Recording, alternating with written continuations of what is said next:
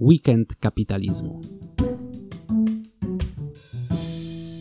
Kamil Grzybyta od paru lat już nie tylko walczy o wolność sprzed klawiatury komputera, ale też praktycznie w swoim biznesie prowadzi bowiem zakład fotograficzny oraz w polityce jako radny miasta Murowana Goślina. I o postawach antykapitalistycznych, antywolnościowych w samorządzie opowie Wam, co zresztą zrobił podczas weekendu kapitalizmu. Zapraszam do odsłuchania. Pani Marszałkini, Wysoka Izbo. e, Pani marszałek, pani marszałek. Pani Marszałkini, to... Pani marszałek. Pani Marszałkini. Trzymajmy się konstytucji Pani i zapisów Marszałkini. ustawy o Pani wykonywaniu Marszałkini. mandatu posła.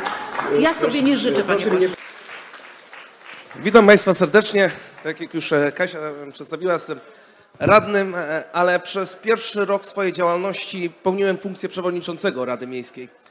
Z racji tego, że troszkę się pogryzłem z grupą trzymającą władzę, e, to najpierw zostałem odwołany z funkcji przewodniczącego, potem próbowano mi wygasić mandat, e, a potem zniszczyć moją firmę. Ale jak widzicie, jestem tutaj e, jako przedsiębiorca, jako radny, chodzę na afterki i mam się całkowicie dobrze, więc niczego nie żałuję w swoim życiu. Proszę Państwa, e, nie będę dzisiaj mówił o tym naszym e, słynnym już burmistrzu, e, ale chciałbym coś powiedzieć o samorządzie jako, e, jako ja. Troszkę będzie o burmistrzu, ale o tym na końcu. Jako przedsiębiorca, jako radny, jako libertarianin powiem coś o podatkach, przepisach, zamówieniach publicznych, a na deser zostawię Państwu kiełbaskę. Żeby nie przedłużać, Proszę Państwa, nie wiem czy widać dobrze, to jest wykres e, wpływów podatkowych gminy Murowana Goślina za rok 2020. Widzimy tutaj e, tort, e, z którego największy, że tak powiem, e, e, widać dwa największe kawałki, to jest podatek dochodowy, podatek od nieruchomości i taka drobnica w postaci podatku leśnego, podatku od spadków i darowizn, podatku rolnego, od psa, od środków transportowych i tak. Tym się nie będziemy zajmować, bo to drobnica na, na razie. Nie będziemy się też zajmować podatkiem dochodowym, ponieważ z, z pozycji samorządu nie mamy na niego żadnego wpływu. 40% zapewne wiecie waszych podatków e, dochodowych wraca do gminy, kolejne 10 do powiatu i, wo- e, i samorządu województwa. E, Natomiast do budżetu państwa wpływa połowa. To jest między innymi dlatego e, niektórym politykom łatwiej jest dać na przykład ulgę na PIT, e, niż wrócić do tej nieszczęsnej stawki podatku VAT, która została podniesiona tylko na czas kryzysu. Wiadomo, z, e, obniżając PIT, budżet państwa traci połowę, a drugą połowę składa się samorząd. Ale proszę Państwa, zajmijmy się na chwilę podatkiem od nieruchomości. Podatkiem, który ja osobiście uważam za jeden z najbardziej niesprawiedliwych, z jakimi się spotkałem.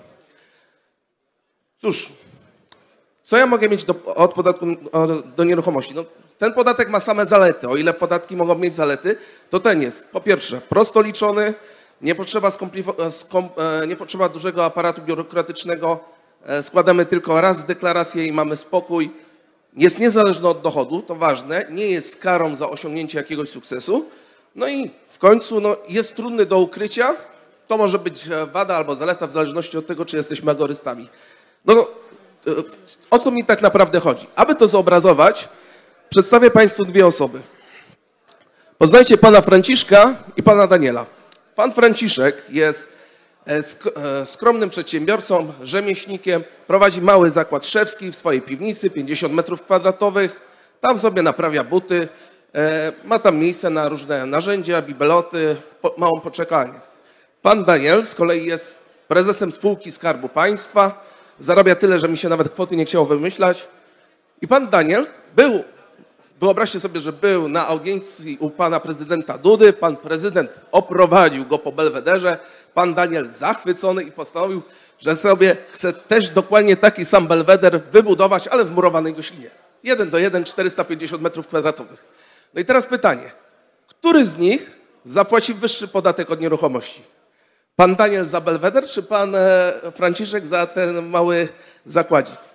Na pewno się domyślacie, że pan Franciszek, bo po co w ogóle bym używał takiego porównania, ale nie wiem, czy was zaskoczy, że pan Franciszek zapłaci trzy razy większy podatek niż pan e, Daniel za Belweder. Trzy razy. A to dlatego, że stawki podatku od nieruchomości przeznaczonych na działalność gospodarczą są blisko 30 razy wyższe niż na pozostałe nieruchomości, e, w tym mieszkalne. 30 razy więcej e, ktoś musi zapłacić za to, że jest przedsiębiorcą, za to, że sam zorganizował sobie zakład, za to, że stworzył miejsce pracy, za to, że powoduje, że taka mała miejscowość jak Murowana Goślina żyje własnym życiem, nie jest tylko sypialnią Poznania. Mówię tutaj o wszystkich punktach usługowych, e, punktach gastronomicznych, sklepach, e, punktach rzemieślniczych. Dlaczego w takim razie karzemy kogoś, e, dlatego że jest przedsiębiorcą? Przecież on jest takim samym obywatelem jak, e, jak chociażby pan Daniel. Tak samo e, chodzi po ulicach, korzysta z parków, posyła swoje dzieci do szkoły. Czy on w jakiś sposób więcej e, korzysta z gminy niż pan Daniel? I jedyne, co mi przychodzi do głowy na określenie tej sytuacji, to dyskryminacja. Dyskryminacja ze względu na to, że ktoś jest przedsiębiorcą. Przechodząc, proszę Państwa, dalej. E, Niewiele z, tym, z tego da się zrobić z punktu widzenia gminy, bo o ile gmina może swobodnie e, kształtować stawki, o ile nie przekroczy stawek maksymalnych, to większość budżetów jest tak skonstruowana, że nie można radykalnie obniżyć podatku od nieruchomości, bo po prostu nie spięłoby się to. Nawet jakbyśmy zrealizowali, e, zrezygnowali ze wszystkich inwestycji i zwolnili pół urzędu, wyłączyli połowę lamp, i tak nie, nie zepniemy budżetu. Kolejny temat. Swego czasu e, chciałem sobie wybudować budynek gospodarczy. Za, za swoim studiem fotograficznym, które posiadam, chciałem sobie zbudować szopę i się dowiedziałem, że prawo budowlane pozwala na budowanie budynków gospodarczych do 35 m2 bez pozwolenia na budowę. E, Dzwonię w takim razie do powiatu, odbiera pani i co ja muszę zrobić? Mówi, musi pani, e, musi pan e, złożyć oświadczenie, mapki, rysunki i wtedy przez, jak przez trzy tygodnie nie będzie sprzeciwu ze strony urzędu, to jest wtedy cicha zgoda na budynek. A super. Potem e, dopytuję, a gdzie to ma stać? Ja mówię tu na mojej prywatnej działce, ale co tam jest? Studio fotograficzne, czyli prowadzenie działalności gospodarczej. Mówię tak. A nie, nie, nie. To musi mieć pan pozwolenie na budowę i projekt budowlany. Zastanawiam się dlaczego. Nie, przecież w ustawie nie ma nic napisane, punkt e, 15 nie dotyczy przedsiębiorców. Ale znalazł się urzędnik, który stworzył definicję budynku gospodarczego. I z tej definicji wynika, że budynek gospodarczy służy mieszkańcom budynku mieszkalnego. Więc jakbyście zbudowali jakiś budynek, i nieważne jakby był on gospodarczy, a nie ma tam budynku mieszkalnego, to to nie jest budynek gospodarczy. Pytanie dlaczego? Czym ten budynek się różni od innego? Dlaczego dzisiaj mieszkaniec może tak naprawdę dom zbudować bez pozwolenia na budowę, ale nie może, będąc przedsiębiorcą, nie może e, zrobić sobie magazynu, zbudować mojej szopy. Proszę Państwa, kolejny temat. To jest e, moje studio fotograficzne. E, ja, nie chwaląc się, e, zakupiłem i wyremontowałem je za około 80-90 tysięcy złotych. Teraz buduję drugie studio fotograficzne, 3 metry wysokie, 70 metrów kwadratowych i myślę, że zmieszczę się w około 150 tysiącach złotych. Co gmina jest w stanie wybudować za takie pieniądze, albo raczej czego nie jest w stanie wybudować. Nie jest w stanie wybudować toalety. Bo toaleta miejska 2 na 2 metry kwadratowe kosztowała naszą gminę 200 tysięcy złotych. Jak się dołoży 70 tysięcy złotych, to można wybudować plac zabaw.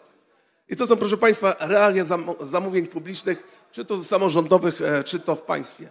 Dlaczego jest tak, że przedsiębiorca może zbudować zakład prywatnie za 150 tysięcy złotych za kwotę, którą gmina nie jest w stanie postawić kibla?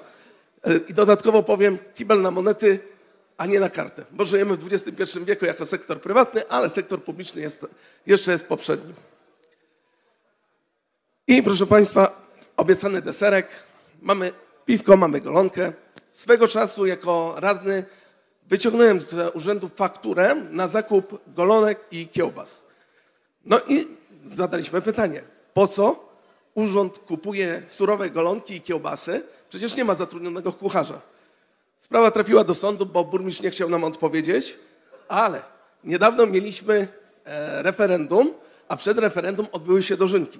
No to w jakiś sposób musiał się odnieść do tego tematu.